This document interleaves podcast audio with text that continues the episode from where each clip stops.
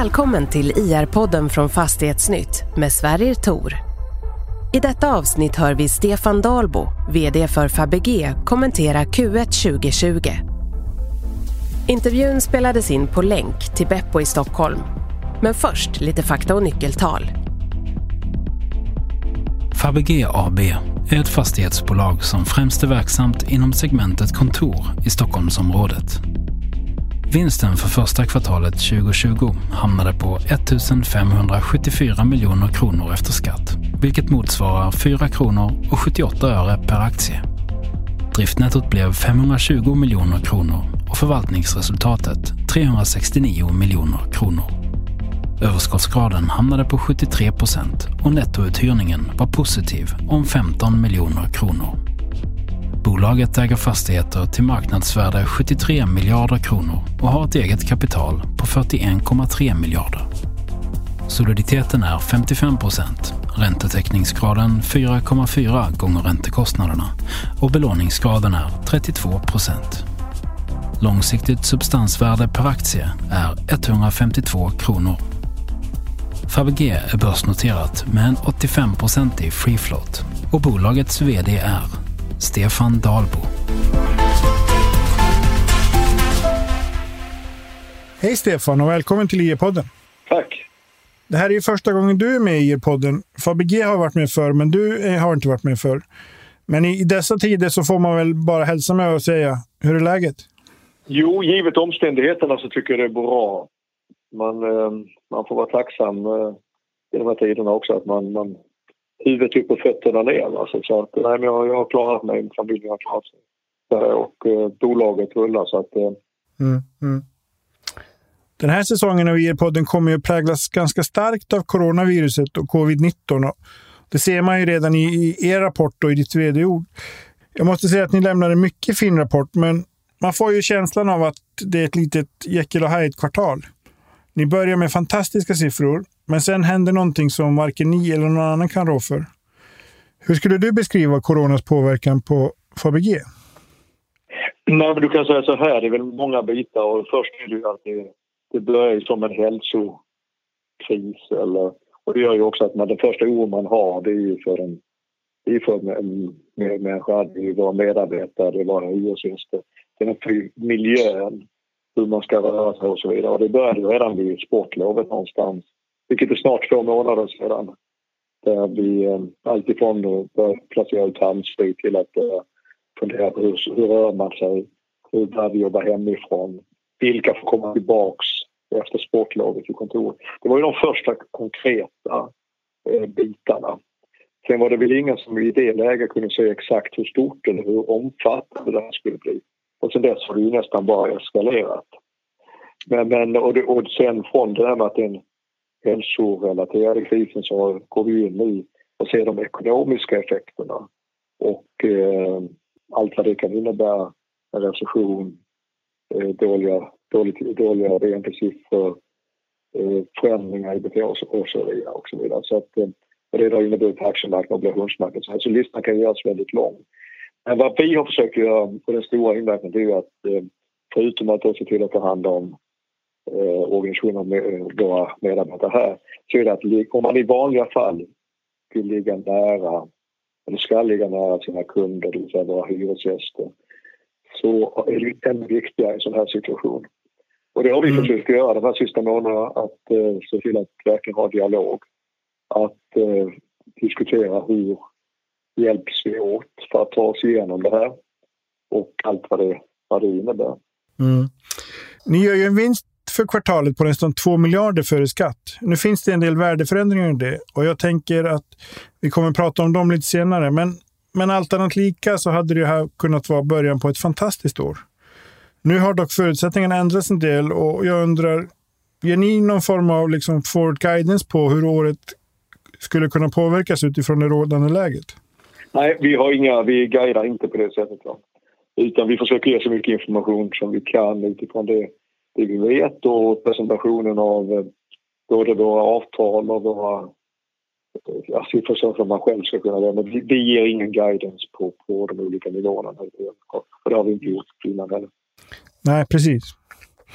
Men de flesta fastighetsbolag gav ju lite av en statusuppdatering mot slutet av mars och början av april på hur, hur deras verksamhet påverkas av corona. Tror du att vi kommer få se flera sådana under krisens gång? Jag tror det är viktigt att vi sånt här. Vi var ju tidigare med att skicka ut en, eh, för det är väl över en månad sedan nu den första, att tala om hur man ska, hur, hur vi ser på vår balans, alltså hur mycket finansieringen når och liknande vad vi har, vi har att göra och så vidare. Hur man ska se på det för att hjälpa till eh, att förstå.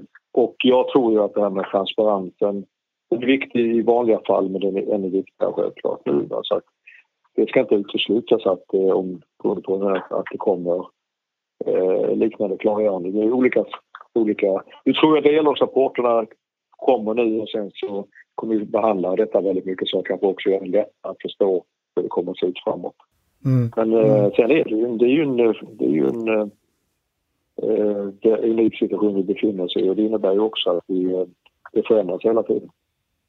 Mm.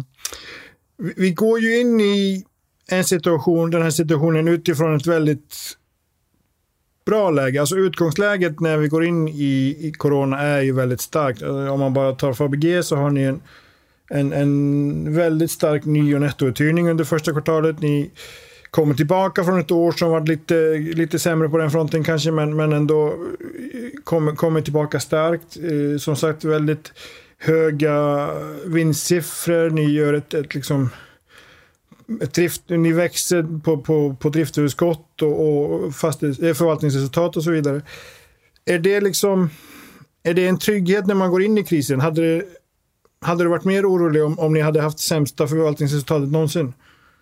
Det är klart det, är klart det hade varit. Och framförallt så tycker jag när vi tittar på balansräkningen. Vi går in i det här med en väldigt låg loan to value belåning. Mm. Vi fick in, vi sålde ju DN-skrapan här. Mm. Där avtalet i slutet på förra året och fick in pengarna i slutet på januari. Så vi återbetalade en hel del eh, skulder, eller en del skulder på det sättet. Vi har långa kreditavtal med bankerna, vi har långa obligationer och vi har en lång räntebindning vilket i det här på, på låga nivåer, vilket i det här fallet känns väldigt bra. Så att, att det här är att styrkan i balansräkning. Sen en annan eh, som jag känner mig eh, tacksam för det är ju också att vi har stora stabila hyresgäster. Eh, av våra 25 största kunder så är det 48 procent av hyresintäkterna och väldigt många av dem är stabila bolag även i det här läget. Det är alltifrån eh, SEB, Telia och ICA, en hel del myndigheter också som med långa, långa kontrakt. Så, så att det, det, det är som bas och med det sagt så känns, känns det väldigt, eh, eh som, ja, det är jag väldigt glad för. Mm. Du, du kommer ju från finanssektorn till en början och du nämner i, i, i vd-ordet att du har varit med om en och en annan eh, nedgång i ekonomin ända sedan sen slutet på 80-talet. Och blir det här en period där man, det blir mer eh, vad ska man säga, liksom hårda nypor alla, alla finanssektorn eh, i, i liksom kostnadsbesparingar i egna bolag och så vidare? Eller tror du att det kommer att bli mer, liksom att, bli mer, mer fokus på kundrelationerna? Du, du nämner ju det, det mänskliga lidandet är ju någonting som vi inte har sett på samma sätt i, i före, före kriser. Alltså fastighetsbolagen, person, kostnadssidan på det sättet är inte den, är inte den stora. Alltså personal är ju relativt liten i förhållande till den balans intäktssidan mm. vi har, den balansomslutning vi har. Så det är där du har de riktigt de stora bitarna. Så det, där mm. skiljer ju fastighetssektorn sig åt mot, mot många, många andra. Utan det vi, alltså det var som jag sa innan att det vi måste tro det är att, det är att jobba nära våra kunder. Och där skiljer det sig ju inte åt mot andra branscher. Det är ju samma sak med om du jobbar som kapitalförvaltare. Det mm. måste vara... Det, när det är tufft som eh, i, i, den, i marknaden, det tufft i verksamheten som man eh, verkligen behöver kommunicera och prata och vara nära varandra. Mm, mm. Eh, du nämner ju, eller ni nämner i rapporten över åtgärder ni, ni har, har in, infört, det är ju diskussion med, med hyresgästerna såklart. Det är många som, som går över till, till månadshyror, det är uppskov. Eh, kan du, kan du säga, liksom, det är ju såklart mycket handel och restauranger. Är det några kontorshyresgäster, du behöver inte nämna liksom namn så, men är det några kontorshyresgäster som har det svårt? Ja, men det är klart att det finns på kontorssidan också. Det finns ju kontorshyresgäster som är i branscher som eh, där det är tvärstopp. Vi mm. har eh, inom resebranschen, det kan vara eh, restaurang och hotellbranscher som har kontoren.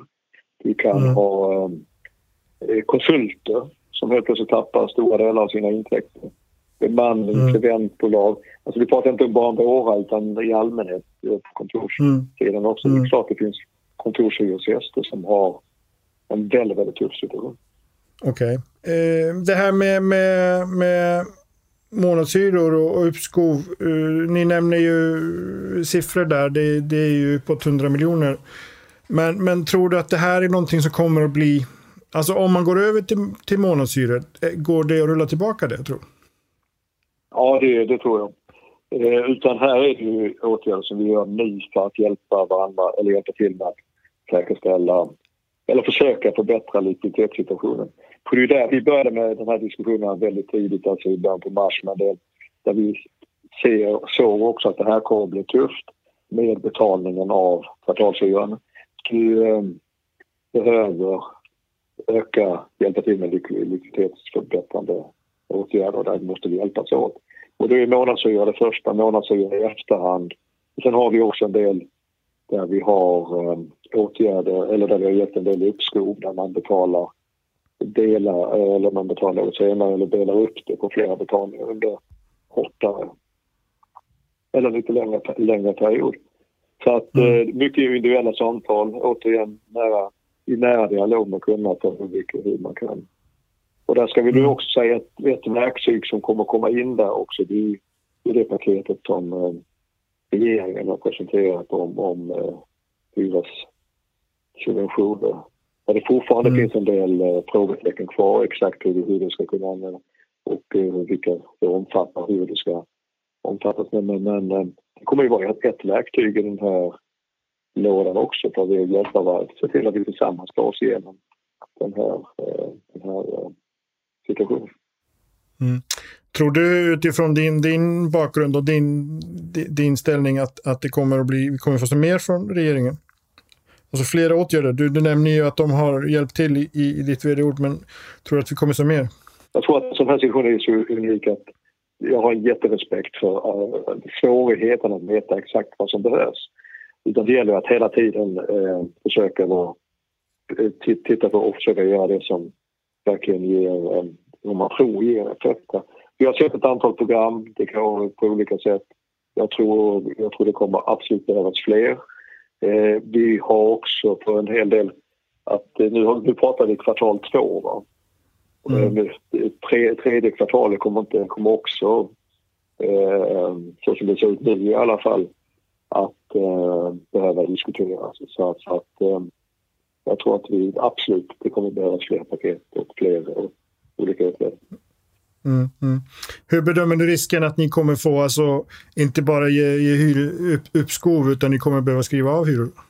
Vi kommer säkert behöva göra något. Eh, okay. jag, jag, jag vore naiv om jag inte trodde det.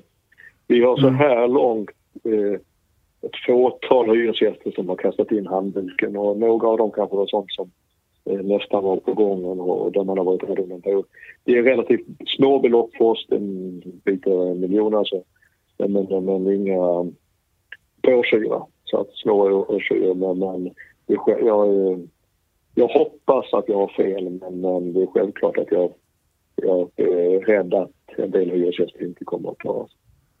Okej, okay, okay, eh, det är dags att börja en dag, men jag har några frågor kvar så jag tänker vi kan springa igenom dem lite snabbt. Eh, finansiering är ju viktigt för fastighetsbolag.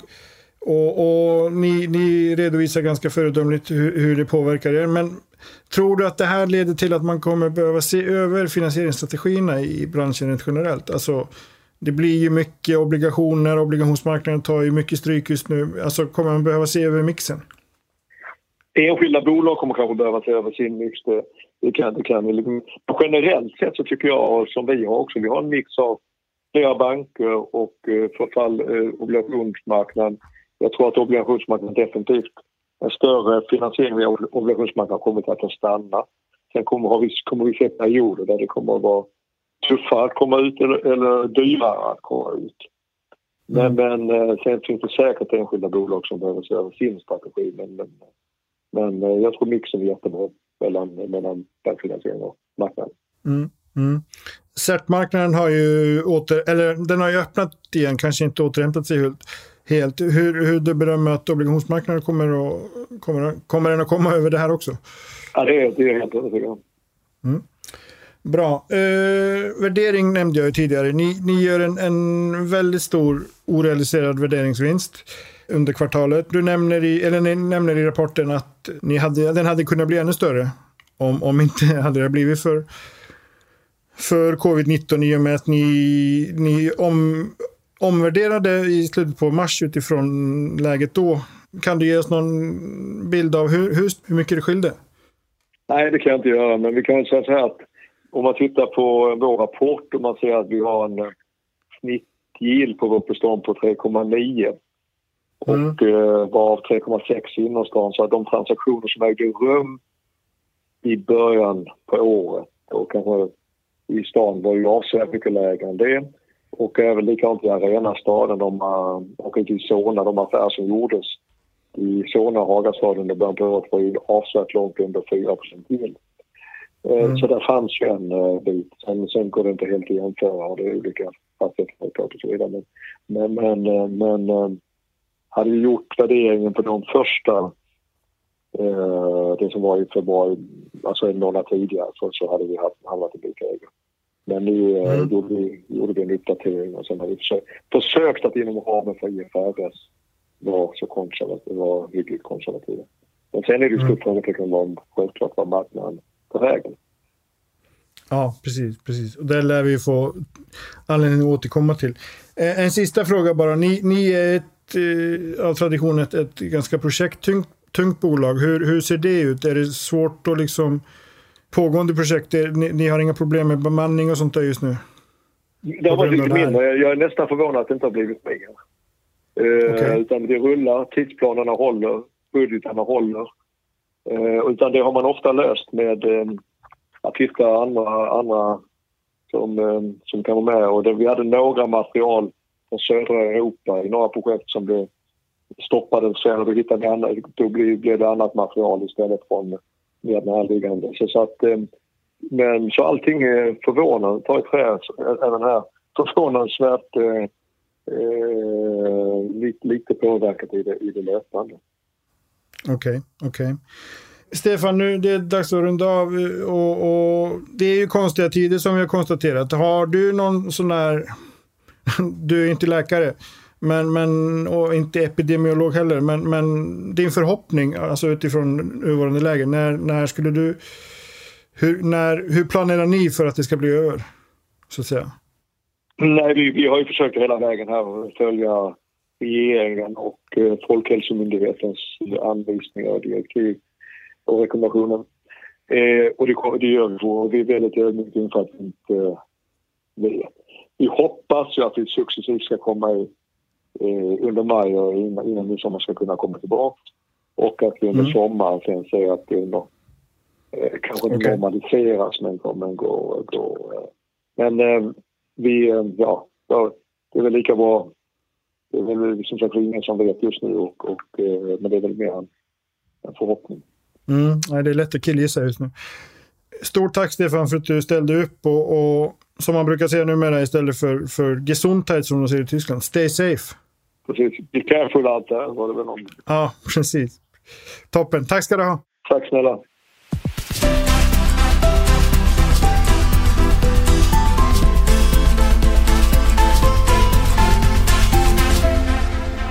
Det här programmet görs på Beppo. Beppo. Beppo.